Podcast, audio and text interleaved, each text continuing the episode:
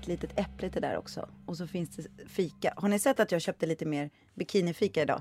Vi brukar ha bullar, men jag har köpt såna här. Ellen körde Corn Big, det är någon form av chokladkaka. Jag köpte ballerina original. äpple, så och så det- köpte vi båda äpplen. Ja, men var dåligt alltså- Jag kan ta synkade. den där äh, nyttiga saken. Ja.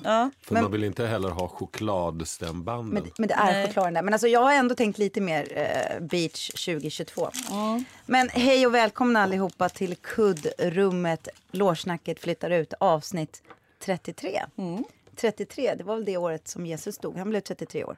Ja, Visst var det så? jag tror det. 33. Och eh, välkommen Tanja som alltid. Men vi har ju en fantastisk gäst här idag. Ja, Välkommen. det vet jag inte om det är så fantastiskt. Ni, vet du vad, det kan vara så att du är faktiskt så känner att folk känner igen dig på rösten. Men vi har Torkel Pettersson här idag. Varmt välkommen. Tack så mycket. Och då kan vi faktiskt börja med att fråga en sak, för att vi är lite osäkra. Jag såg faktiskt den intervjun, jag tänkte fråga dig. Mm. Eh, det var på TV4 och då sa de så här. Vi har alltid sagt Torkel Pettersson till dig. Men då sa du så här, nej jag heter Torkel Petersson. Vad sa de när du var liten? Eh, alltså, när jag var liten så var det mer frågan om jag hette Ola eller Torkel. Första sju åren så hette jag Ola. Är det sant? Va? Ja. Gjorde du? Så jag var en Ola, men Ola är ett väldigt skånskt namn. Så det fanns fyra Ola tror jag i min klass. Och då skulle jag någon gång i tioårsåldern, då var det liksom så här, kan någon byta så här för att vara schysst? Och jag tror inte jag var döpt ens. Eller jag vet att jag inte var döpt. Så det kanske var därför. Eller så var det att jag redan då ville typ så här, vara till lag så höll jag på säga. Det vet jag inte om jag vill. Men eh, i alla fall så, ja det blev jag som, ja vad, vad kan du heta då? Och då hette jag Torkel i andra namn. Ja. Men det där med Petersson, det säger inte jag ens. Och det tror jag sa i den intervjun där på TV4 också. Jag tyckte eh, det var lite sådär att de uppehöll sig vid det sådär, på ett konstigt sätt. Som att det skulle vara så intressant. Liksom. Heter den Petersson eller Pettersson? Ja, men vi har alltid sagt så- Pettersson. Nej, men det var bara att vi såg den där Ja, och så det kändes oss lite grann som, ja. som en som typ Som såhär, här skop. sitter han ja som ett skop. Ja. Typ Fan, här har jag gått och sagt Petersson hela tiden till Torkel Petersson, så heter han Torkel Pettersson? Vad fan är det? Så liksom, fan, det här blir en tråkig intervju jag. Det det Gud vad roligt. Men Ja, alltså, för det uppehöll typ halva din Ja. sändningstid. Ja, för ja, sen när jag det var slut, du här- bara, är det slut nu? Ja precis, Men jag har bara alltså- pratat om de där T'na och jag säger så här, det stavas ju Petersson, men Mm. det är liksom som är hela mitt namn så tycker jag att det är inte kletigt, men det är liksom lite jobbigt att säga. Mm. Brukar säga Torkel först, det är så här torka, torknet, torky. ja, men det är liksom så här toa-associationer. Och det är massa konsonanter som stoppar upp. Det går så här, som Ola, det är bara whip. Ja. Men alltså på riktigt. Ja, men- Det är liksom det så här, och sen så kommer Petersson på det. Om man då inte får säga Pettersson lite så här snabbt utan ska säga Torkel och sen Petersson. Det blir liksom ett helt projekt att säga mitt namn. Och man säger Pettersson av bara farten och det har jag själv också alltid sagt med vetskapen att jag het, heter, heter. det är svårt med dubbel, dubbelbeteckning. Nej men att jag heter ju Petersson fast jag säger inte det själv. Jag tror inte någon annan som heter Petersson heller går omkring och säger utan Nej. det blir att alla Peterssonar, vilket de är lite färre tror jag, men de säger Pettersson ändå. Nej men Pettersson för fasken. Men den med Ola var talspråk heter jag Pettersson. Ja. Men det var ändå skönt, för då har inte vi gått och sagt fel namn Nej. i typ 20 år. Ja men vi har har sagt? Torkel istället för Pettersson. Ola. Nu är tiden snart slut. Ja, och så tackar vi Torkel. Petersson för idag. Gud vad det var en härlig... Roligt att ha dig här. Ola. Men det där med Ola är ju väldigt roligt. Men, Ja. men, men var det fler? För ni var ju fyra. Var det bara du som var schysst och ställde upp och bytte namn? Ja, jag tror att det, eller jag minns inte exakt, men det blev ganska fort att ja, det, man fick lite uppmärksamhet. Åh, nu är du Ola Torkel, nu. Åh, vilket konstigt namn, varför heter du det? Vem är du döpt efter då? Vem har du fått namnet Torkel av? Jag har frågat mina föräldrar varför, och det kommer små historier liksom varför jag heter det jag heter. Jag tror, jag minns inte dem faktiskt, men det, det var väl liksom, ehm, ja, de tänkte väl till och så tyckte de de var charmiga. Men det är inte efter någon farfar eller Nej, det är ingen sån liksom, Nej, släkt, släktnamn. släktgrej. Och Ola var populärt på Ja, 70-talet. Pettersson är ju släkt. Mm. Ha. Ola var väl ett populärt namn va? Ja, vi hade någon Ola i vår klass. Ola. Men det är inte tror det är vanligt. lite skånskt. Ola. Ola. Ola. Ola, jag tänker på den här apan Ola. Vem var det? Apan Ola. Varför tänker jag på det? Är inte det en bok? En Nej men det var, nej, Nej, men det var, aning. det var Nicke Nyfiken, men det var en som hette Apa. Ja men vad fan, nu håller vi på bara Ja. fastnar vid det här. Ja, ja. Det ska ju inte vara lika Nej. ruttna som TV4. eller hur? verkligen inte. Nej. Framåt, framåt, uppåt, uppåt. Ja men hur, vad kommer ni ifrån idag då? Vad har Ja, du gjort? det. Jag har um, mm, gått upp Sen, ehm, Jag kanske inte borde ha gett dig den där cornyn. inte bara tugga. nej men jag, min dag, den har sett ut som de flesta dagar, inte så mycket speciellt. Jag jobbar ju så lite på Dramaten nu. Jag jobbar bara tre timmar varannan vecka. Det är helt sjukt. Det inte jättemycket tid över. Nej, men det går i perioder. Ibland Ja, ja. jobbar man ju mycket. Men nu är jag bara med en pjäs, eller två. Men båda spelar ju typ väldigt sällan. Och Det har vi ju diskuterat om det är bra eller dåligt. Men i arbetstidsmässigt så är det nu. Ja men då går jag upp och sen brukar jag varje dag som jag inte har någonting speciellt sådär att, att det är något som jag måste, alltså som tar tid liksom. Då tänker jag, då måste jag träna tycker jag. För det säger mitt samvete till mig. Så jag kan liksom inte gå en hel dag utan någon jobbuppgift eller sånt. Utan då är det en träningssak. Det här har tre saker som jag väljer mellan. Och det är springa runt Kungsholmen. Det är en mil ungefär. Det är ganska mastigt. Alltså när man har gjort det då är man liksom ganska trött. Så den, det är den svåraste. Eller gå till gymmet, Friskis Svettis Kungsholmen. Den är lite lättare. Där springer jag 20 minuter och sen har jag två rundor med tyngdmaskiner. Alltså olika muskelgrupper. En dag kan det vara um, ryggmusklerna och benen. Och då får de ett visst, ett visst mönster av maskiner som jag tänkt ut. Eh, och den tredje saken är att gå och simma på Kronobergsbadet. Det var det jag gjorde idag. Och där blev jag lite snuvig kanske. Men det är ju gräset. Du sa att du var snuvig när du kom, men det är ju... Det är Ja, men jag, jag, jag har känt av någonting idag också. Det är något pollengrej. Men det kan ju vara som du sa, en kombo av att man simmar också. Men är du en sån här som bastar efteråt? Ja, det är bastu. För det är nästan det jag ser mest fram emot när jag simmat. jag det är bastar ju även bastu. innan. Gör du? Ja. Aha. Det är, det är liksom lite grann för, för att dra mig dit. Och jag fryser alltid lite i livet så jag liksom tänker fan. Så när jag kommer dit är jag alltid lite frusen. Men då ger jag mig det liksom. Så här, nej men jag bastar innan. Och, och det är alltid lite kallt i vattnet när man går i där. När man kommer ut i det kalla liksom. Man, när man värmer Men upp sig. jag, jag var och simmade för första gången på hundra år häromdagen eh, på Forsgrenska, mm. där på Medborgarplatsen. Och jag bara, jag är ganska dålig på att simma tänkte jag. Men vet ni vad, jag simmade bröstsim, tusen meter allt vi hade på ungefär 24 minuter. Inte ganska bra? Jo. Alltså jag bara, Tusen meter på 24. ja men någonting sånt. Jag tittar på klockan, jag kan inte exakt. Jag ska, men jag simmar och simmar, det var ju ganska bra. Jag fattar inte, jag blev inte ens trött. Nej. Nej Tusen meter, det är 40 längder, eller hur? Jag, Ja, blir, jag blir inte, jag är ganska väl, alltså, utan att skryta, men är relativt vältränad ändå. Men jag blir trött, jag pratade lite om det innan, så här, att jag har så svårt att flyta. Jag försöker simma en bröstsim 25 meter och så kråla tillbaka 25 meter. Men på den där krålen, där sjunker jag jättemycket och min teknik är så dålig så jag, just den här andnings, när, när jag ska chippa efter luft. Så då liksom Alltså jag har så svårt att få upp huvudet åt de olika så jag blir jätteandfådd. Så det är nästan, det är därför Jag vill faktiskt blir- också lära mig att kråla. Ja, och det är liksom hela tricket med crawl är ju att få i flow i andningen. För Det är att det, det. ja, det är ju det. Jag, jag gjorde ju, jag började med, eh, vad heter det, triathlon för många, många år sedan. Oj, Och då lärde jag mig crawla. Eh, för jag började först att göra hela den här svensk klassiker. ja. Och sen gick jag över till triathlon. Och då är liksom, hela tricket är ju att lära sig att andas och hitta flygläget i crawlen. Och det finns ju massa bra då, tutorials på Youtube som man kan titta på. Och sen är det några så här simlektioner med en bra coach som bara kan ge dig tricken så kommer du flyta på väldigt, väldigt mycket. flyt. Och när man väl kan andas då blir det ju så jävla skönt. Och eh, crawla. Då kan du crawla hur länge och hur långt Det är som mycket helst. bättre ju, för, alltså, för nacken också. Jag crawlar Jag har- som snabbast har jag crawlat 1500 meter på 36 minuter. Ja. Men vet ni vad, jag, jag vill ändå säga att jag kan ha fel med den där tiden. Jag, jag, nej, det tror jag inte. Den för låter, nej, det låter Nej, rimligt. okej. Ja, för jag vill Ja. inte säga bara, åh, men jag blev bara förvånad för jag trodde jag var så himla dålig på att simma. Men de hade på musik i hallen för det var så här gympingpass bredvid. Och då blev jag så här super, super taggad av det. Ja, skit i det. Men jag vad kul. Vad, säga ja. för att I min släkt så finns det mycket simning. Min farfar till exempel, han hette simborgargeneralen. Ja. Det var han som hade hand om alla simborgarmärkena och, och var ordförande, jag tror till och med i Svenska simförbundet. Nu kan jag överdriva, det kan vara Landskronas simsällskap också. Men det, kanske någon kort tid i hela Sveriges simförbund. Han var så här, typ så här, det fanns en tävling där. När SM kom ibland och var i Landskrona, då var det han- min farmor som fick typ så här donera den lilla silverpokalen och sånt. Och han, han stod liksom, hela somrarna stod han så här på en brygga så här och delade ut simborgarmärken.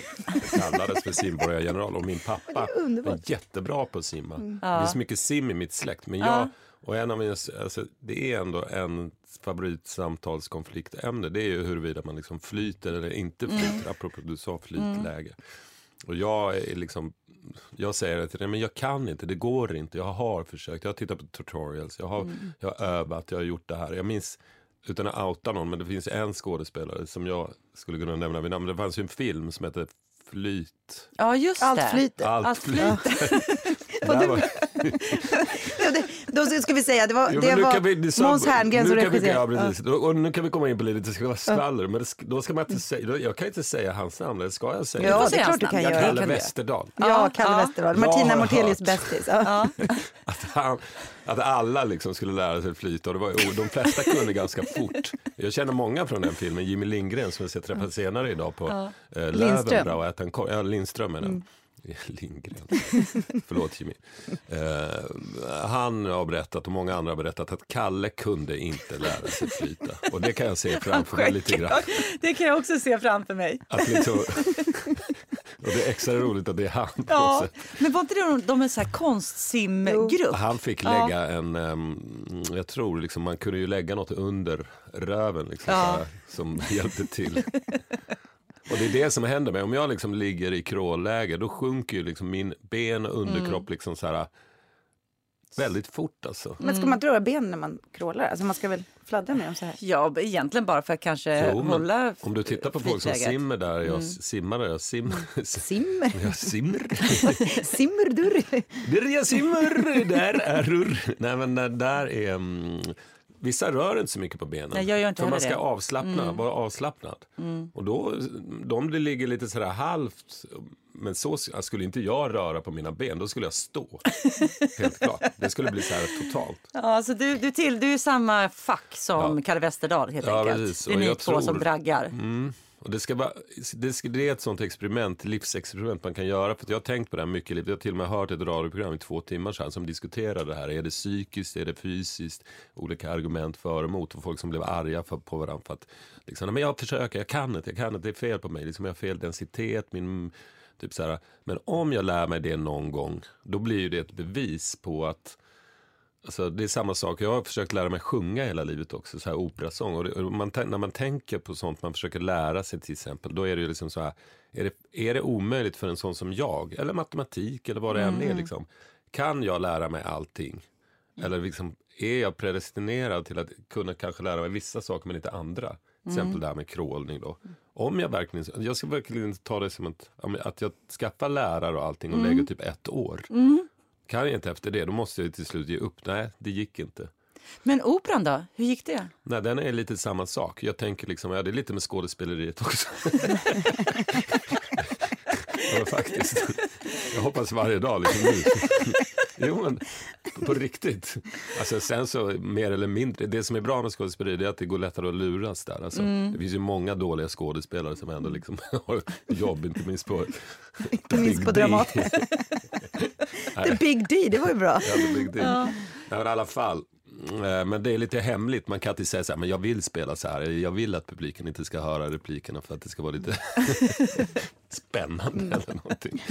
Men jag menar också skådespeleri kan ju vara så mycket olika. Opera är ju liksom så här, där är det en fast norm för hur det ska låta. Men skådespeleri, man kan ju vara bra fysisk skådespelare eller ha en bra fantasi. Då kan man bli stand-up och, eller så kan det vara någon sån här dramatisk skådespelare som har en bra replik. Det finns lite olika vägar att trixa sig fram. Så därför är det lite lättare att fuska sig fram. Men, Men men, hur- vadå, men jag ändå operan. Jag, jag, du har väl varit med i operaföreställningar? Du, du sjunger ju jättebra. Jag har ju hört dig sjunga. Men det är liksom så här, jag, antingen är jag nära att jag sjunger bra opera Mm. eller så har jag bara blivit väldigt bra på att låtsas att det låter ungefär som det ska. Fast egentligen så kanske jag befinner mig längre bort från, alltså förstår ni? Jag Mm. liksom låtsas väldigt bra. Men, men du har väl haft riktiga har lärare, så vad säger de? Vad säger de då? Nej men de, de tar pengarna. Och tar pengar och säger så här, det finns en del att jobba på. Ska vi ses nästa vecka Ja, igen? lite så är det. Jag har ju betalt dem liksom. Ja. Och de är ju glada så här att, alltså jag är ju snäll kille så ja, men det är trevliga halvtimme eller timme hur lång tid det tar. Eh, de har väl varit eh, lätt uppmuntrande. För alla vi på The Big D tror i alla fall att du kan sjunga Ja. opera. Ja, För, jag, det- för vi är ju verkligen så här, gud han sjunger ju opera. Alla är helt imponerade. Ja, men det är liksom som, ingen, ingen vet riktigt hur det ska låta tror jag. Så här, nej. exakt. Liksom, det säger att jag är bra på att härma det. Liksom, så här, men, mm, Eh, min röst blir väldigt lätt trött, vilket liksom så här är, är, tror jag är ett tecken på dålig teknik egentligen. Sen har jag väldigt stark röst, liksom så här, men ja. Och, och, och, sen är det också det att jag vill kunna det, så att jag försöker peta in det i alla möjliga sammanhang. I all, varenda Men hur mycket övar du då? Nej, men inte nu så mycket. Alltså jag gör det hela tiden lite grann som, som det är en sån impossible dream liksom, som jag inte släpper. Liksom, att jag vill kunna det liksom. Och jag hoppas varje dag liksom, att hitta något. Alltså jag går så här på... Alltså jävla corny, jag skulle inte ha köpt den här. Du kan... Ja. Nej, nej det, är ingen, det är ingen fara. Nej men alltså jag, jag, jag tränar till exempel på många olika roliga ställen. Så att jag har liksom det, men det tränar jag också på, inte civilkurage, men att jag tycker det är kul. Och, nej, det är inte därför. Utan jag, jag tränar lite i duschen och lite när jag går omkring och så där. Och um, jag ska säga, en gång förstod jag det kanske mer, alltså nu lite grann är jag 52 och nu känner jag så här, ja ah, men fan, det börjar rinna ut liksom tiden. Kanske när jag var 40 mer tänkte jag så här, nej, tänk om jag lär mig det här, då kan jag liksom mm. ha det som Sen är det också det där att det skulle vara så skönt, apropå det jag pratade om innan, liksom att om jag lärde mig det så att jag kände att fan det här kan jag liksom verkligen, jag kan det här bättre än alla andra, eller många andra. I förhållande till skådespeleri, liksom, det längtar jag lite grann efter att kunna så här, kunna någonting. För det är det som är lite svårt med skådespeleriet, att det är svårt att känna, man känner alltid en sån liksom lite osäkerhet, i alla fall jag. Ja, man Mm. kan ju aldrig komma till den punkten, alltså eftersom det inte är en exakt teknik, som Nej. till exempel Nej. ballett eller nu kan jag göra den här piruetten eller konståkning, nu, nu kan precis det här hoppet och du, Mm. du kan poängsätta. Det är ju faktiskt sant, det kan ju aldrig göra med Nej. skådespeleri. Men är det, tycker ni att det är en frustration eller är det skönt eller en utmaning? Jag tycker det är en djup frustration, och, men samtidigt så kanske det liksom är Alltså det är verkligen en psykologisk kullerbytta man måste göra. Det är jättejobbigt att gå till jobbet och inte veta exakt om man ska liksom kunna leverera på någorlunda nivå eller bara mittnivå eller kanske någon bottennapp. Liksom. Men känner inte du att du ändå har hög lägstanivå om man ska vara Jo. krass? Jo precis, det är det man, Alltså- och det är det, det, då säger jag så här, ja, men du är för sträng mot dig själv, du har för mycket ögon och sådär, du ska inte döma dig. Alltså så kommer man in på den biten, hur mycket liksom Ja, hur mycket spelar det in och hur mycket blir det hönan och fjädern? Och, Men jag måste också säga att det har ju faktiskt att göra med uppgiften. För det är ju det är ju svårt att få kvittot på vad du gör. När, alltså, eller ska jag säga så här, det är lättare att få kvitto på vad du gör om du gör liksom en hel roll som har så här, en rollutveckling och en gestaltning och det finns massa så här lödiga scener som man spelar. Då kan man ju ändå känna så här, jag har fått den här berättelsen i hamn. När du inte har det så får du inte samma kvitto och då om det går för lång tid mellan de gångerna, då är klart man börjar fundera på vad är det här yrket egentligen? Kan jag leverera? Men du kanske inte har några scener där du verkligen får det här studsen känslomässigt. Nej, nej, precis. Men det är, jag tycker det är jätteintressant diskussion. För jag tycker det, alltså det är ju den där närvaron som man alltid klyschigt pratar om som skådespelare. Men det känner jag jättetydligt. Det här är faktiskt apropå en annan gäst vi har haft, Marie Göransson. Hon var så skön. Jag jobbar ganska mycket med henne. Hon sa ju alltid, för just där man går in på scenen och ibland har man den där närvaron. Man har det att det flyter på. Man vet inte riktigt vad man ska säga utan man svarar på din replik. Alltså det är en sån fantastisk känsla ju. Och så vissa kvällar är man faktiskt bara någon som upprepar det man har gjort tidigare. Känner inget speciellt och det är en hemsk känsla. Men hon, hon sa alltid så här, men vi är ju bara människor. Vi är inga robotar. Och det har jag i alla fall tagit med mig som här, för att försöka vara förlåtande mot mig själv. När jag inte har den där riktiga närvaron. Men det är ju inget kul. Det är inget kul att spela teater då. Men, men många kvällar är ju så också. Ja. Nej, jag tycker för mig är det ett stort... eh, Ja, alltså, det är fel egentligen att säga problem, men liksom, så här, det är ju någonting som, om jag tar den här Nattaberget som du och jag är med nu. är- Just det, ska jag säga till alla lyssnarna att jag och Torkel spelar i samma pjäs. Eh, den här pjäsen som jag berättar ganska mycket om. På stora scenen. Ja. Och jag upplevde på riktigt att de två sista föreställningarna, där var jag jättebra. Och innan dess har jag inte riktigt lyckats få till det. Liksom.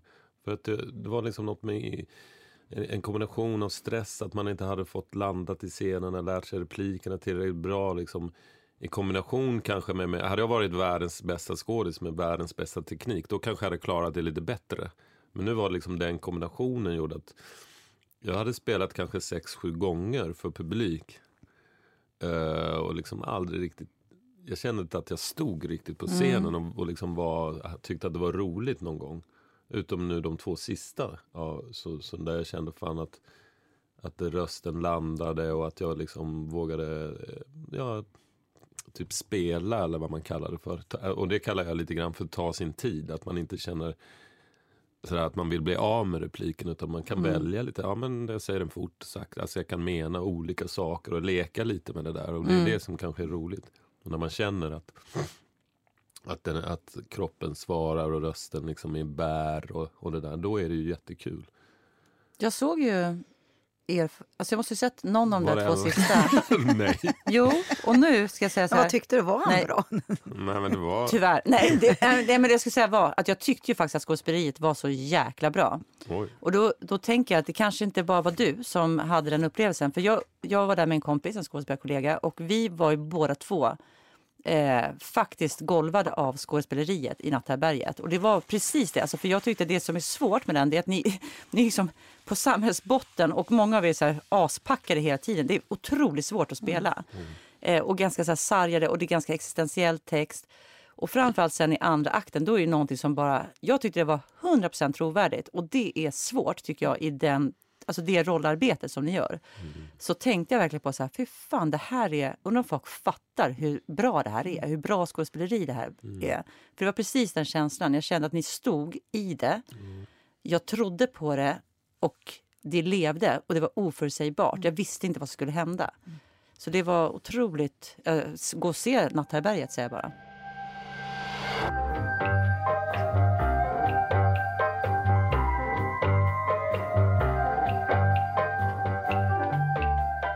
När jag ser dig på scenen så tänker jag alltid, det jag tycker är spännande med dig, det är att jag tycker att du är oförutsägbar.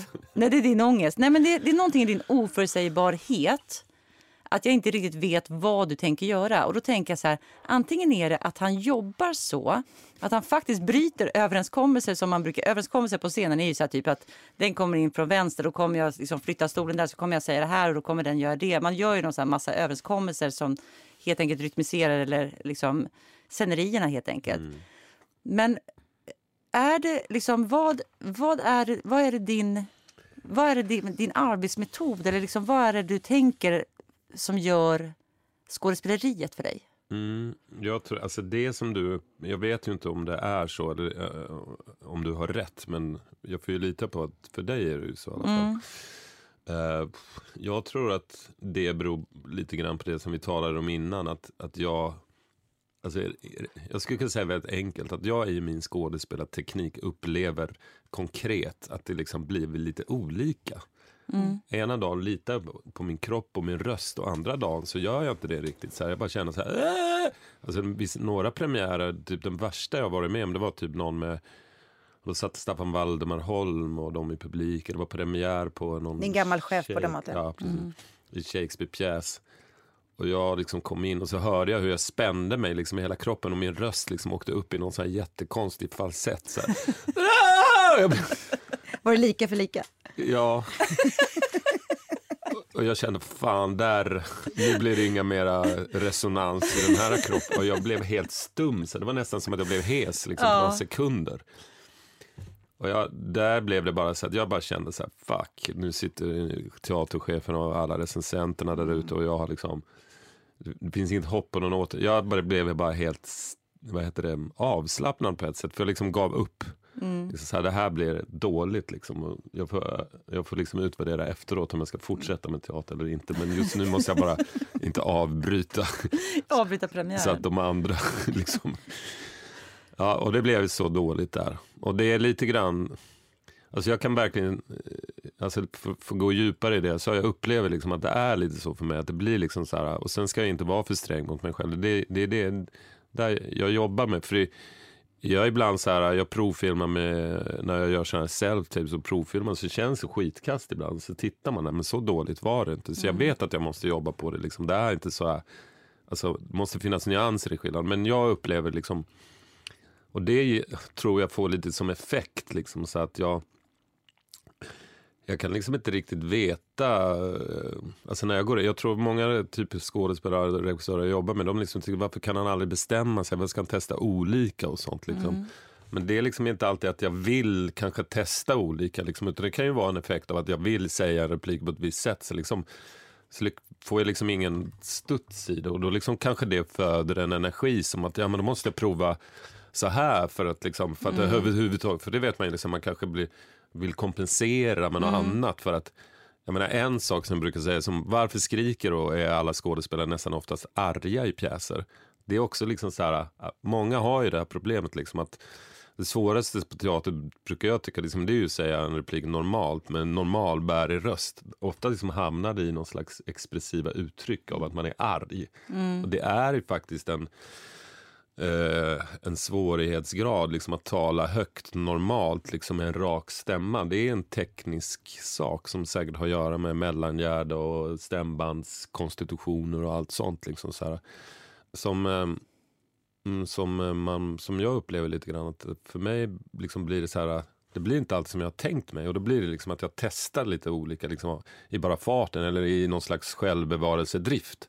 Även om jag hade innan tänkt att jag ska spela så här och så här. Mm. Och det tror jag man kan uppleva lite grann som det där du upplever då. Liksom att, shit, han håller på att leta där uppe lite grann. Men det är liksom inget som jag egentligen kanske riktigt vill. Nej, och jag säger det ju som någonting Men jag positivt. att det kan upplevas som, som, För det blir ju Ja, intressant. för det kan ju också finnas motsatsen så att man har en så här halvstum replik som man är jättenöjd med. Liksom så här, ja men Mm. det är ändå okej. Och så, så liksom går man in och kör det och så bara kör man på ett tågspår liksom och inte alls. För det kan ju, om jag samtidigt är öppen mot er och tittar er i ögonen och sånt så blir det ju ändå så här, alltså att man lite Jag kan säga så här, som ändå Mm. spelat ganska mycket mot Torkel, att det är ju skitbra. Man kan ju inte liksom eh, vila på några lagrar. Man får ju hänga med. Och alltså, man bara, vad gör jag nu? Vad gör jag nu? Nej, men Nej, alltså men de bästa är ju- skådespelarna är så. Ja, jag tycker det är, Det är någonting. det. Alltså, jag, jag frågar ju för att jag själv vill söka. Alltså, det är ju ändå det man söker till. Att, alltså, alltså, eller, som jag söker mig till. Att försöka, alltså man försöker få varje situation helt ny för en. Och, och frågan är hur gör jag det? Hur, vad, liksom, vad kan jag göra för det? För motsatsen är ju att man spelar med någon där man inser att den har den bestämt exakt hur den tänker säga alla sina repliker. Och så spelar det roll vad jag säger. Om jag ändrar min replik så kommer det inte påverka hur den här människan säger sig. För det är redan bestämt från kollationering och framåt. Och det är ju, det är ju rätt hopplöst. Alltså, då, då är man ju rätt körd. För då kommer man ju aldrig skapa någonting tillsammans. Så att man är, man är ändå ute efter det där att, vara lite ute på tunn is och inte riktigt veta vad som händer. Och då vill man ju också vara en sån person som också kan överraska andra människor på scenen. Och det är bara frågan, hur kommer jag dit? Hur blir jag så fri? Det är det enkelt? bästa tycker jag när man överraskar varandra på scen. Mm. Det är det. Inom vissa ramar och gränser, absolut. Man får inte Mm. Öppna eget som det finns ett uttryck heter. Men gud vad mysigt det är att sitta och prata om Ja. skådespeleri. Det är faktiskt inte så ofta vi gör. Nej. Det här är något som ska, vi ska fortsätta med. Men Och jag, jag fortsätt. tänkte så här, det där som vi pratade om nu, det kan ju också ha att göra hur man är som person, om man är trygg eller otrygg i olika utsträckning. Kom lite närmare micken. Uh, alltså, ner. till exempel är man, eh, och, och det kommer ju från barndomen ofta, så här, potträning och eh, om ens föräldrar skilde sig eller liksom hur man brukar så dela upp mänskligheten i, liksom så här, om man är en ansvarstagande person som hela tiden tyder signaler eller om man är mera trygg och liksom kan bara sitta och, och inte oroa sig för om det liksom kommer ett litet ljud någonstans. Liksom. Jag tror att jag är den tidigare lite grann. Så här, jag ju, värderar hela tiden. Liksom så här, "Åh, nu tittar, så här, nu tittar Ellen så där. Blinkar det där. Och nu sitter Tanja där. Och, handen. Alltså, du vet, så här, jag är ganska mycket så där. Men det var kul att du ändå nämnde potträning. För jag menar, vi har ju också tänkt så här, vi, från början liksom Torkel, vi var, vi kollade ju på din Wikipedia och nu vet jag att du hette Ola och du är född 69. Men vad, vad, vad kommer du ifrån för typ av hem? Vi brukar fråga, är du ett kulturbarn? Eh, nej, ja, det är, jag, det är jag. Men jag brukar säga att mina föräldrar var... Och det, nu är min mamma död och min pappa lever, men jag hade kunnat säga det ändå. Jag tror jag sagt. De var misslyckade akademiker. Hur då? Berätta. Fast jag menar, de var ju liksom, misslyckade akademiker kanske är det man ska vara. För en akademiker kan ju vara astrist och bara fylla i massa typ så här, förutfattade meningar. Men det var att min mamma ville bli kemist. Hon studerade på uh, kemilinjen men orkade inte riktigt. Så träffade hon väl min pappa där i de vevan. Var tvungen att ta ett vanligt jobb och då blev hon uh, biblioteksassistent. Hon tog aldrig sin examen. Nej, utan hon läste en, två terminer. Och det var ju, kan man ju kalla lite misslyckad akademiker. Så att hon fick, hon var ju liksom, kom från ett kulturellt hem i Stockholm, i Bromma. Och typ så här, hennes pappa var typ någon disponent, nej inte disponent, det låter ju, men något inom skogsvårdsstyrelsen i alla fall. Någon direktör där faktiskt tror jag. Och, eh, ja, så det var liksom, Men pluggade hon i Lund sen? Var det Ja, hon hon, hon gjorde väl så här för lite föräldrarevolt tror jag, och flyttade till Lund och levde liksom så här studentliv när hon var 18-19. Och träffade min pappa kanske när hon var 21-20 sådär. Och eh, ja, ville väl bli kemist då liksom, men orkade inte. eh, Vi kände väl lite som att, eller så tror jag kanske att det var att barnet kom, första barnet. Och pappa var, eh, han utbildade sig till arkeolog och eh, det jobbade han som fram till jag var alltså mellan 0 och 7 år. Sen började han darra på läppen, men han liksom så här, nej.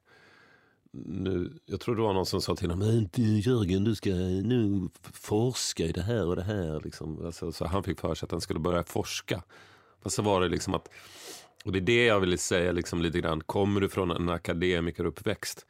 Att, jag tycker att oftast när man förklarar bakgrunder eller förklarar saker liksom, så görs det lite så svartvitt. Jag menar, sanningen är alltid mycket mer komplicerad. Mina föräldrar var akademiker samtidigt så växte jag upp i ett arbetarklassområde där jag hade sämst med pengar av alla.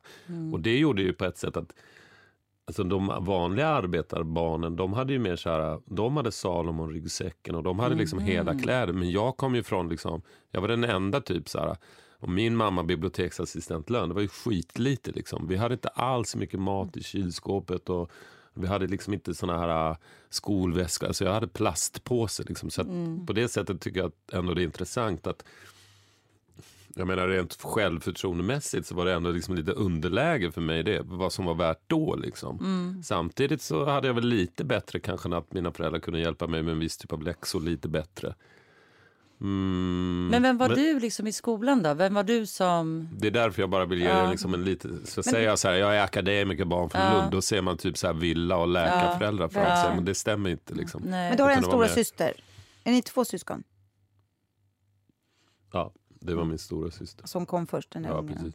Och sen också det här liksom myten som man man har när man tittar på filmen tillsammans. Liksom att nu låter det som att jag var typ, eh, kanske mina föräldrar var så här flummisar som, som typ så här att vi hade så här föräldrar eh, eller familjeråd liksom när det var kiss på toaringen. Och, ja, idag ska vi ta, men jag liksom, där tror jag också, det är bara liksom, vem hade liksom levt i en sån tillsammans? Alltså den typen av... Eh, Men var det ett eh, hem med musik? Värme? nej, ingen musik. Ingen musik på? Nej, men det, det tycker jag säger så Ja. mycket om. om Har man Ja. musik på? Eller var tvn på jämt? Alltså på, vad var det för stämning i hemmet? Nej, jag upplevde att det var mycket kärlek från föräldrarna till oss barn. Där kände jag mig trygg. Liksom. Sen fanns det andra problematiker som kanske var mer mellan föräldrarna som gjorde att det kunde vara väldigt jobbiga saker som vi kanske inte behöver gå in på här. Men liksom, det var inte så bara, alltså det var problemat, problematisk uppväxt också. Men, men jag brukar känna mig trygg i att jag kände mig älskad av båda föräldrarna. Sen hade de egna Du, lä- du problem. var tvungen att läsa av dem hela tiden någonstans? Ja, så kan man väl säga. Ja. Att, Det känner eh, vi, det är många ja, som känner känner igen. igen. Men, eh, men jag vill återgå lite grann till det där att Alltså vem skriver historien? Jag tänker liksom när man beskriver 70-talet och det, nu lät det som att jag var någon flumförälder. Så här, men det var det inte heller. För de, på ett sätt kom båda liksom från så här borgerliga miljöer. Men de var liksom inte med. I, där i Lund så var det ju de här kult, också någon husockup- kårockupationen och mina föräldrar var inte alls delaktiga i det. De hade inte så här afghaner. Det var som att de de, de var inte några hippieföräldrar alls. Nej. Utan på något konstigt sätt, liksom, och det, det, det tycker jag är väldigt intresserad av. Liksom att, för de var ju inte borgerliga och de var inte hippisar. Och, liksom, vad var de egentligen? Så? Jag, jag- det var som att de inte var någonting. Liksom. Alltså, De i- bara var, helt enkelt. Nej, och, och Men det- vad gjorde det med dig? Jämförde du med andra eller saknade du en tillhörighet? Det gjorde med mig att jag... Jag blev nog liksom...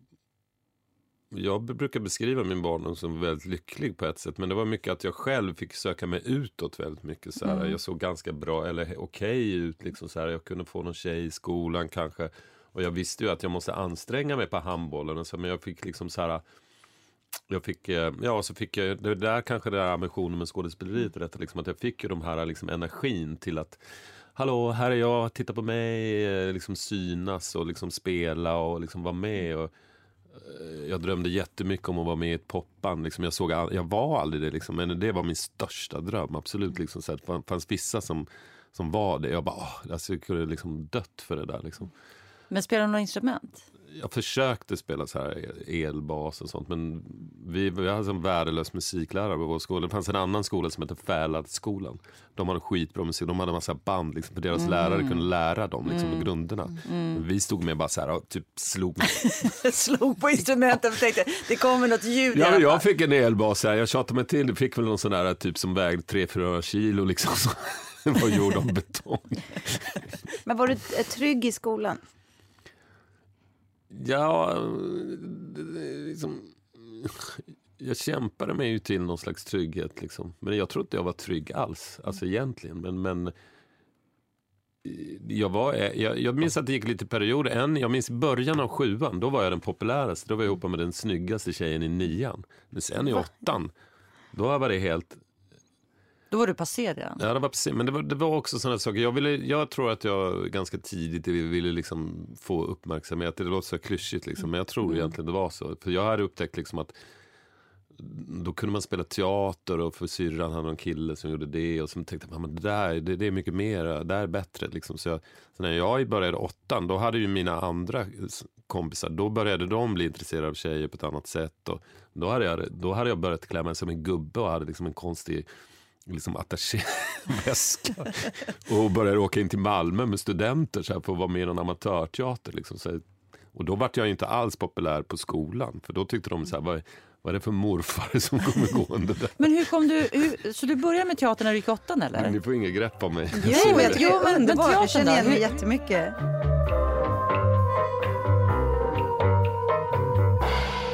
Hur kom du in på teatern? Vad var det som, du sa att din syrras kille höll på med teater. Jo, men jag tror att jag brukar säga att det var Fame, den här serien på tv. För där var det ju lite teater också. Då fattar man så här, aha, man kan vara med i musik. De började ju dansa och sjunga musikal. var så här, och- fantastisk. Och, det, är så här, och det var egentligen det popband man ville vara. Och så tittar man på den och de dansade, de var snygga och unga. Och, och de liksom behövde inte öva innan de dansade heller. Men där på deras skola, The Juilliard School, They paid Juilliard. in sweat.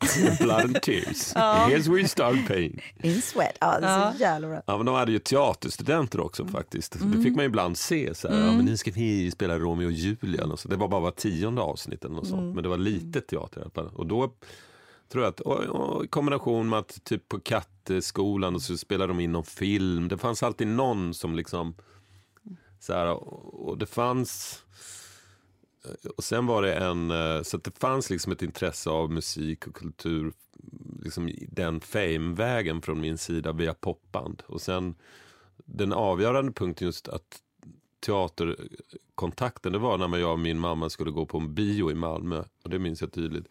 Och då gick vi förbi en amatörteaterföreställning i Malmö som var 12 skillingsoperan med Studioteatern som var jättestor teater med amatörer och proffs.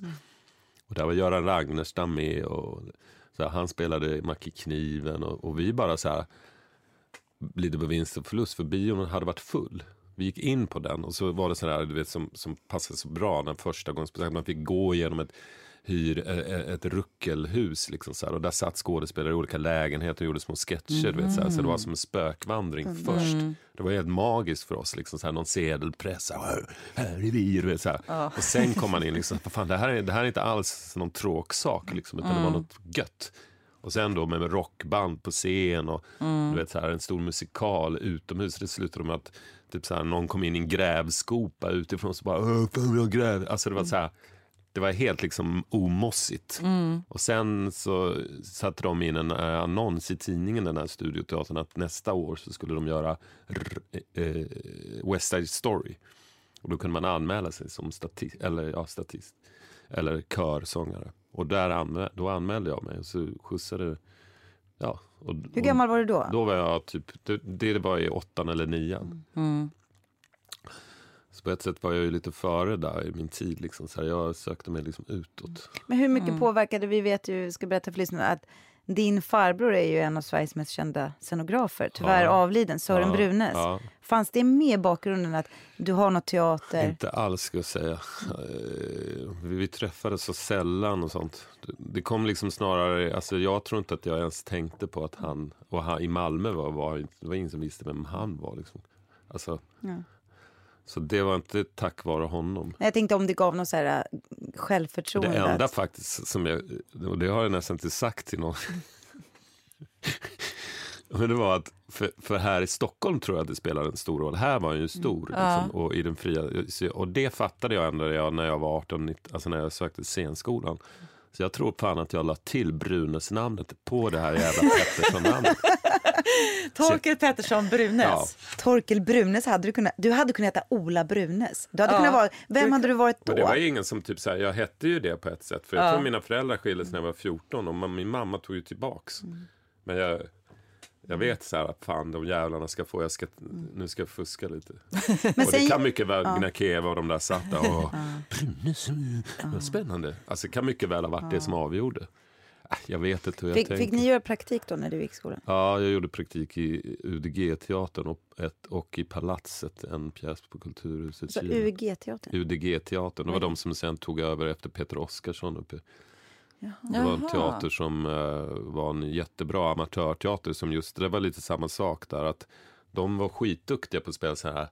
De kallade det för neo... Uh, neo futurist, alltså någon sån där, de var, de var superteatrala, liksom, var jätteduktiga på så här commedia dell'arte och sånt. Sen skulle de, fick hela den teatern, gjorde väl några succéer som sommarteater, så skulle de ta över efter Peter Oskarssons. Var uppe i Gävle? Eller? Ja, de skulle flytta allt från Blekinge till, Mm. till dit.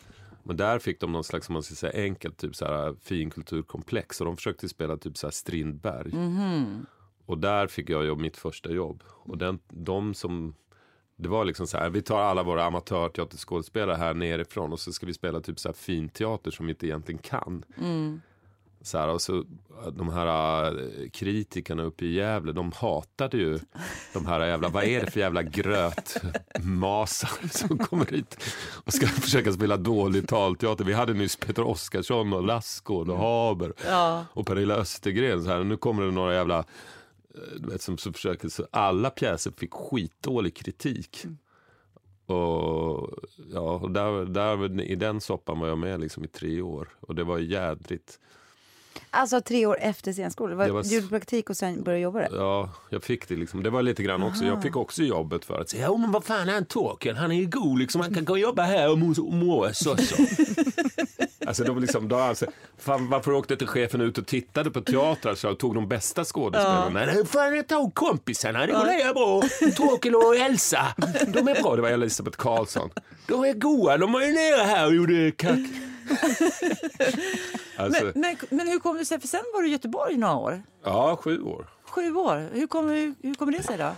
Ja, men så eh, det var liksom att eh, det helt plötsligt, de där tre åren i Gävle slutade med, det tog slut en relation och jag träffade någon tjej i Malmö där och som jag var jättekär i och sen så gjorde hon, så flyttade jag till Malmö och hon gjorde slut liksom direkt jag hade flyttat dit. Så bara, så här, hon sa så här, Torkel, jag kan inte ha två barn.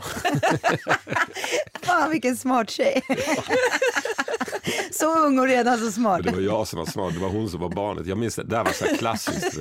Hennes barn var så här, typ, om det, det är inte att säga men barn, typ så här, det var, jag kan leva med det så att när man kommer som ny, typ så här, mammans nya kille liksom så här.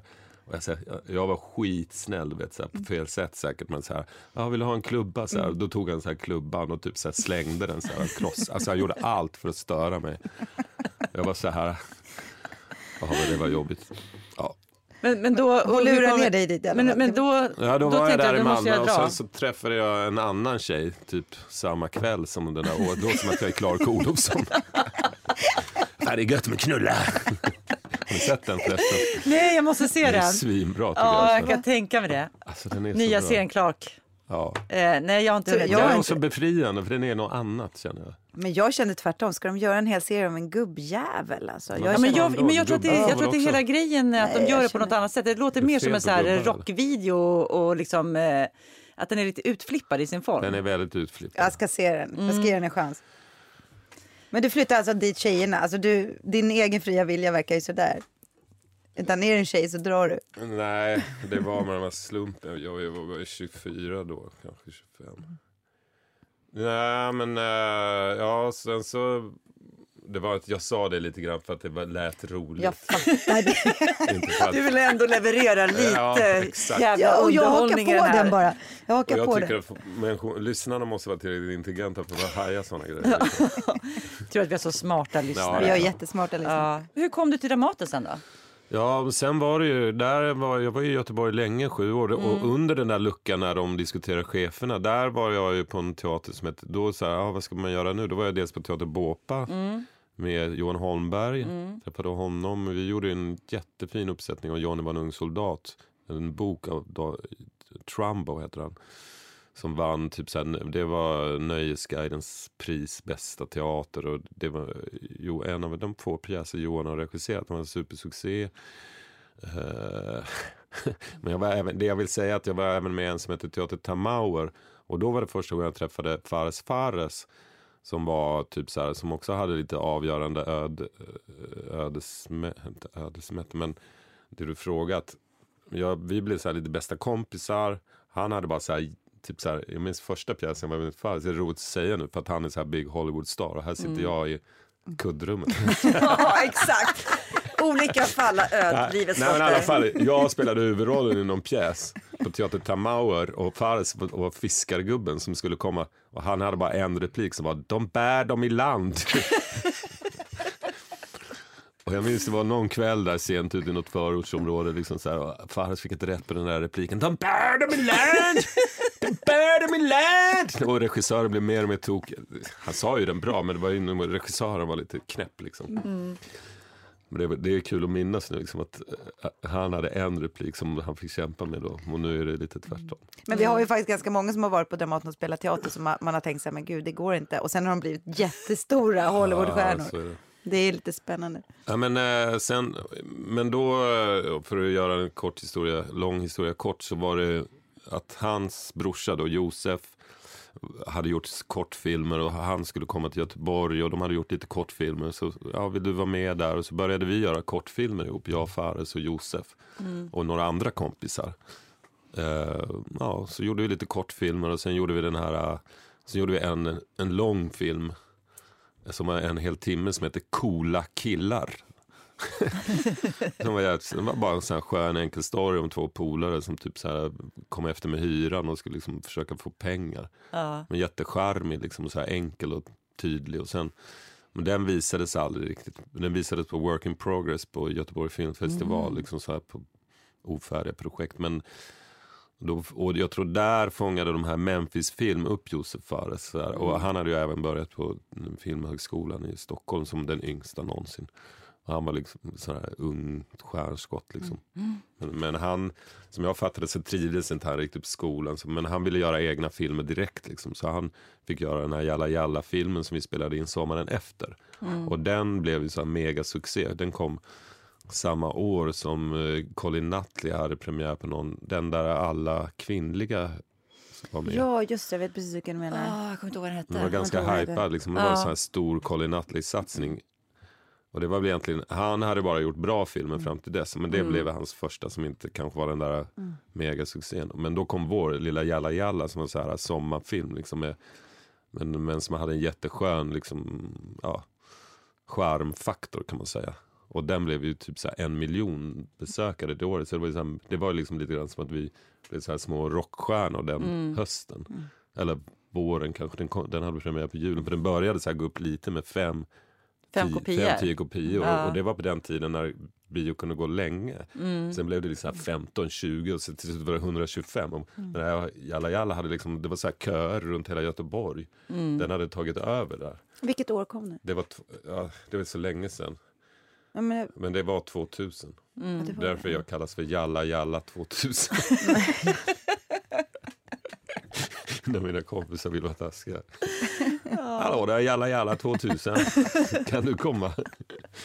Nej, men... ehm, Och, det, och då får man verkligen, apropå andra saker som vi kan komma och tala om. Att då dröjde det. Fares tror jag fick jobb på Dramaten. Hans första var den här med Fedra. flygande mattan. Ja, just det. Så Tarens hemlighet. Just det. Då hade han liksom så här, ja, de fått upp ögonen för honom. Men sen tog det liksom något halvår till innan så här.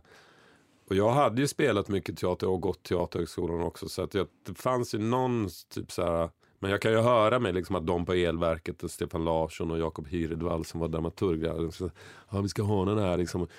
Men ändå liksom lite grann så som det faktiskt är nu också. Och det kan vi diskutera då om det är bra eller dåligt. Men att liksom det krävdes liksom en filmhuvudroll liksom, och någon slags typ av succé för att jag hade ju kanske varit med i 30-40, jag hade jobbat i Gävle och där, alltså i Göteborg hade jag säkert gjort 10-15 liksom så här. Kanske inte huvudroller men ändå börjat närma mig lite större roller så här. Men det krävdes ändå filmrollen för att det skulle ringa från det är Dramaten. intressant. Och det var, jag menar om man kollar nu liksom, jag sa ju det på det där, alltså, och nu om vi vill ha lite skvalleraktigt i podden här, men jag menar vi hade ju ett sånt möte på Dramaten om, som handlar om eh, fast ensemble och politiken där. Liksom så att, och liksom huruvida ska, ska vi i fast ensemble kräva, liksom vilja få stora roller eller inte. Och jag lite grann så här, typ så här bara petade lite så här, inte såret men att det, kan ju vara liksom så här som att jag måste gå ut och göra en stor succé i en film för att liksom förtjäna liksom, när man tittar. För jag menar, bara i höst så kommer vi ha liksom två, tre filmstjärnor som gör stora huvudroller. Som aldrig har varit på Dramaten tidigare. Jag säger inte att det är fel, men jag bara säger att så händer det ju för mig också. Så det var ju också min lycka. Men jag menar, det finns ju någon grogrund för något liksom så här, för vi pratade så här, ja men vadå, teater är lika mycket värt som film och vi, det är ändå något vi kan diskutera. Liksom. Verkligen. Vi måste ju frilansa ganska hårt på vår egen teater och visa framfötterna. Och eh, succé utanför Dramaten, eh, det, det belönas ju nästan alltid med en stor roll. Ja, Men jag, jag, jag är menar så. också på riktigt, hur mycket värderar vi? Vi på ett sätt kan vi säga så här, ja men jag tycker teater är viktigare än film. Men hur mycket menar man det egentligen när det kommer till kritan?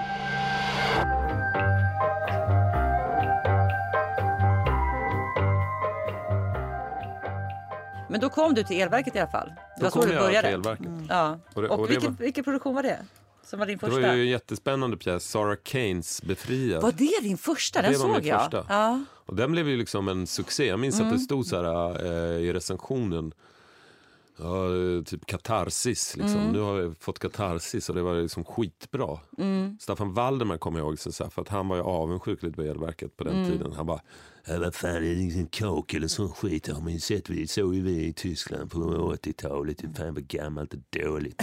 Tyckte han. Sarah Kane var ju superpopulär ett tag, Ja. spelas aldrig längre i Nej. Sverige. Nej. Men det, den var där och den, det var väl till och med Tern höll jag på att säga, Cern, Jonas Tern, Ja.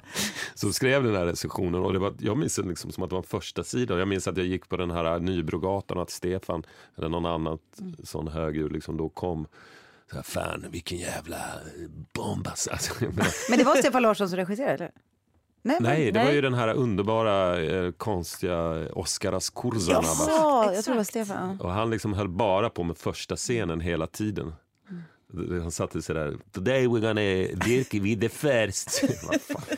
och sen så liksom där, och då var det liksom inte att man skulle jobba på själva scenen. Det är så här, First eh, I gotta try some lightning.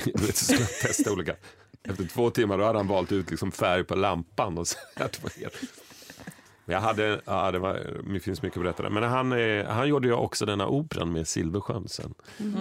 Och det är faktiskt två av mina bästa, eh, eller eh, hans fantasi och min fantasi minns jag att jag tyckte, alltså han hyll, alltså vi hade lite samma tänk apropå det jag var inne på tidigare, att jag var Alltså konstig fantasi liksom. Jag, jag kunde ibland, många regissörer säger till mig, ja det är roligt Torkel men det är en annan pjäs. Den har jag fått höra mycket. Men så, Oskar Kurzana, alltså, när jag kommer med mina konstiga idéer, då han bara, yeah! That's genius! Och det här är ändå en kille som har läst all filosofi. Han är alltså bara fett utbildad i rysk rysk, får man säga. Nej, men jag menar, han- kan sitt shit. Liksom. Han är en filosof och ja, han ser ut som en punkare och konstig. Liksom. Men han, han är verkligen kunnig.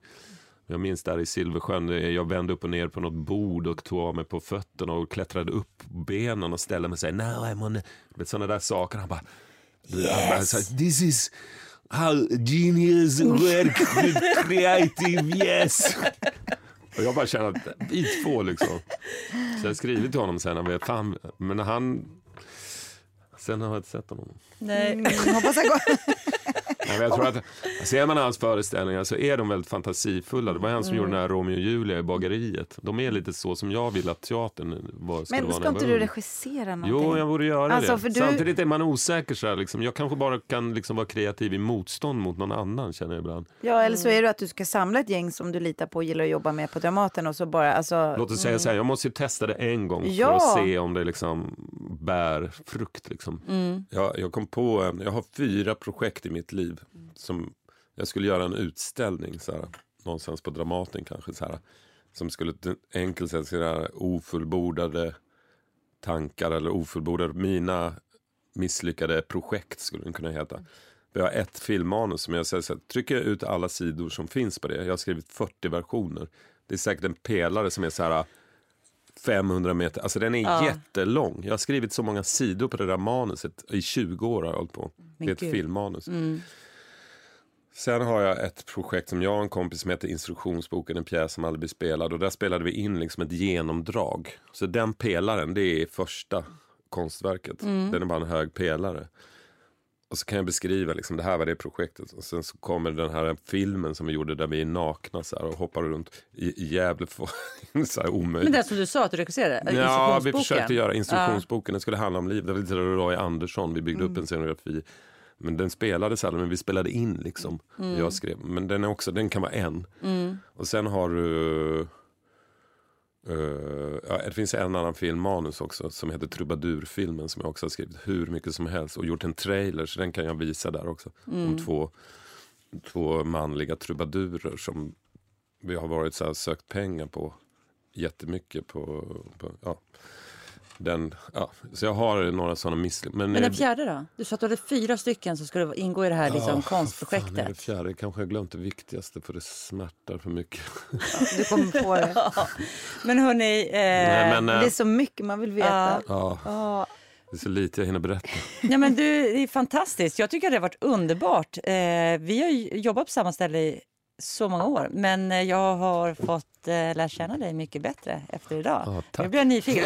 Nu har jag någonting att snacka med dig om när vi ses på Frippes nästa gång. Just det. det är ju jättemysigt. ja, men har ni jobbat ihop i samma pjäs någon gång? Nej, alltså, Vi det var med i samma tv-serie en gång minns Ja. jag. På Tjockare än vatten. Ja. Då var Men- vi i en kyrka. Men vi har inte ställt den klassiska frågan. Ja. Vem delar du loge med? Andreas Rotlin Svensson. För du vet att Torkel tog min loge. Det var så himla hemskt. Först var det ju... eh, Ja, det var min loge. Mm, Eller först var det ju, och vad heter han? Roffe Skoglunds loge i jätte, jättemånga år. Så fick jag den. Sen var jag mammaledig och när jag kom tillbaka då hade du tagit logen och så några andra. Så fick jag inte tillbaka den.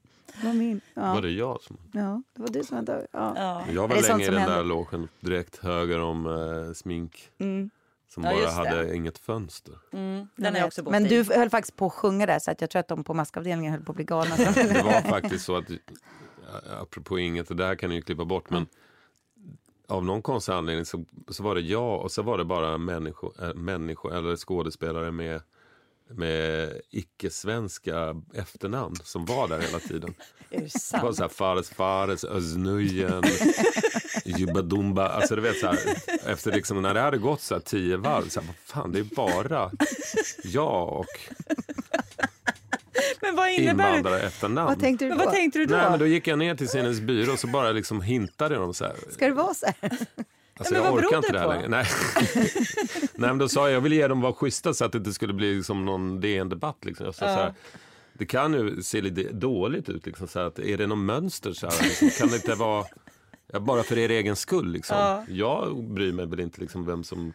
Jag var inte där så mycket, men jag bara, jag bara kände att det, det blev ett konstigt mönster. Faktiskt. Ja, just i den logen som inte har ett fönster. Den Ja, enda som ja. inte har ett fönster. Men hörni, alltså jag är så kissnödig. Jag, Jag, vet, måste hörni, avsluta jag måste här bara nu. säga så här. Alltså det, det som var så spännande idag var att vi verkligen pratade om skådespeleri. Ja, för det har vi inte riktigt gjort. Så Torkel, tack för alla... om? Nej, men du får lyssna på alla avsnitt. Det är skit, så himla alltså. mycket. Men, men det vill jag verkligen... Det är så spännande att prata med dig. Ja. Och du får nästan Och komma jag vill tillbaka. säga så här att när man Mm. pratar så blir det liksom så att man menar det man säger. Mm. Men det är ju inte riktigt så. Utan man Nu tar han sök- tillbaka allt Nej, nej, men man söker sig fram. Ja, ja. Ja, men det är det som är ett samtal. Och fan, det är väl men ingen det som blir lättare. Jag vet att när det är media liksom, då blir det nästan som att ja, men då har sätter man sigill. Jo, Det här är Ja, ja, vår- ja, men du menar mer som än du... man sitter ja. på puben. så. Ja. Men det här är ju våran loge, där stannar ju logen. Ja, Nej men då får ju, då får ju lyssnarna det ta liksom, med så att- sig det. Att det, är liksom, det här är bara ett samtal och om vi hade pratat i övermorgon så hade du kanske sagt helt andra saker. Ja, och helt jag är, tvärtom man är för lite grann det liksom så att Alltså poängen i livet är väl liksom att hitta olika vinklar hela tiden. Ja, Ja. men du ska tänka Ja. fritt. Ja. Men jag tycker och... inte vi är så bra på det i samhället. Det är Nej. liksom mer som att man vill bura in sig. Ja men alla där och där, de är så och så liksom. Så nej men så enkelt är det inte. Men jag håller helt med dig. Men jag hoppas att vi, jag upplever inte att du är sån Tanja. Man får ju söka sig till Nej. människor som man känner att man kan verkligen utvecklas med genom samtal. Och där man får ändra sina ståndpunkter hela Ja, tiden. herregud. Och du är verkligen en så värdefull kollega för oss, Torkel. Ja, det är jättekul. för du är både rolig att spela med och rolig att prata med. Och Så kul att titta på. Ja, så jag tror att du kan ge supermycket inspiration Ja. till våra lyssnare.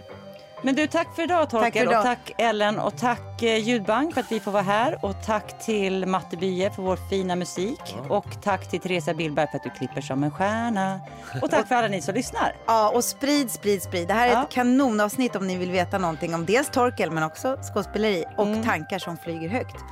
Torkel, kram, kram. Kram, tack för att jag fick komma. Det var jätteroligt. Inte alls eh, jobbigt. Med de bevingade orden säger vi hej Hej då. då! Alltså jag är så kissnödig. Jag är också så kissnödig. Hur länge har vi hållit på? Hur länge ska det vara?